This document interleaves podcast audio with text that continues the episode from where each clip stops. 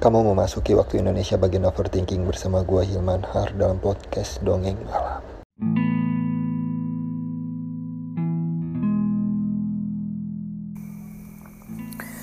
Malam semua.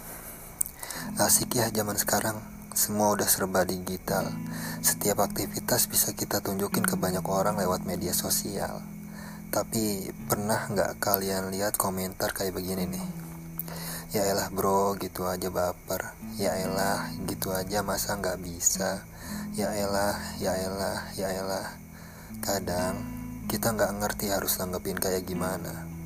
Kita cuma bisa diem dan menanggapinya biasa aja.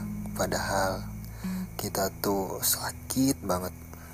Karena nggak mungkin kalau bisa dengan mudah kita selesain, nggak mungkin kita share di media sosial kan kan salah satu tujuannya itu buat dapat masukan dan dari teman-teman medsos. Eh malah disepelein gitu.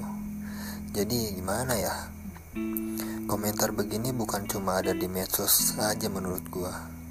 Kadang kalau kita cerita secara langsung orang yang kita ajak bicara malah ketawa dan bilang hal yang sama. Haha. Ya elah gua kira apaan gitu doang masa nggak bisa? Jelek banget gak sih kalau bisa dengan mudah kita selesain kita nggak datang ke lu buat cerita sob. Jadi ya udah karena teman satu-satunya yang kita anggap bisa bantu nyelesain masalah kita malah komentar begitu. Akhirnya kita mendem itu masalah. Masalah yang bikin kita makin drop kita jadi lebih susah buat tidur kita jadi uring-uringan dan bikin kita jadi frustasi.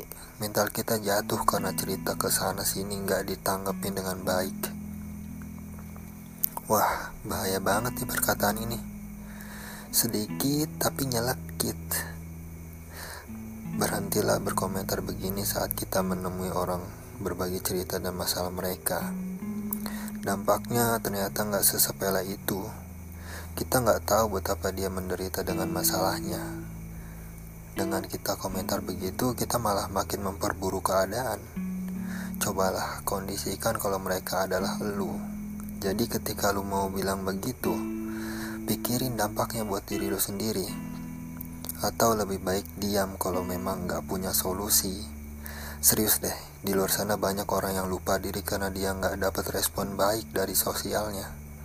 Ya, stop gitu buat ngeremehin masalah hidup orang lain kasih semangat lebih baik daripada kita bilang ya elah atau perkataan meremehkan semisalnya. Diganti coba jadi ya udah nanti gue bantu pikirin jalan keluarnya. Semoga masalahnya cepat selesai ya. Nah begitu kan lebih enak. Hmm udah malam nih. Ya udah tidurlah. Pikiranmu lelah. Selamat tidur